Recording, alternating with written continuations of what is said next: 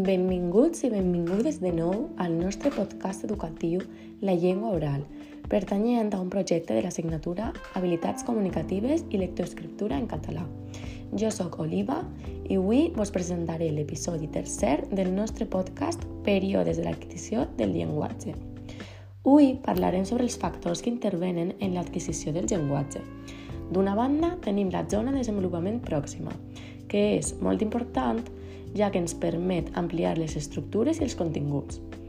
Per tal que aquest factor intervenga d'una manera exitosa, convé que hi hagi un intercanvi de papers, a més d'establir unes rutines quotidianes. En definitiva, s'han d'establir una sèrie de contextos que permeten a l'alumnat comprendre tot el que té relació amb el llenguatge.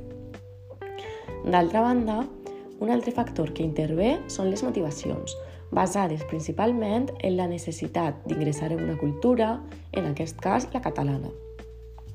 Per aquest, per aquest cas es proposa una activitat conjunta que consisteix en una posada en comú i un posterior diàleg. A continuació es proposa també trobar totes les asimetries entre els subjectes per a, finalment, arribar a un terreny en el qual es puga arribar a una interpretació comuna del llenguatge. Finalment, el joc, el joc simbòlic també és un factor que intervé d'una manera molt impactant en l'adquisició del llenguatge. Això és perquè existeixen molts jocs amb una estructura semblant al procés d'adquisició del llenguatge, que permeten que s'utilitzi un llenguatge variable i sistemàtic. A més, el joc simbòlic és transactiu, és a dir, permet que els xiquets i les xiquetes s'assignen i s'intercanvien els rols i, a més, afavoreixen l'extractivitat, ja que van més enllà del context real on es troba l'alumne. I fins així l'episodi d'avui.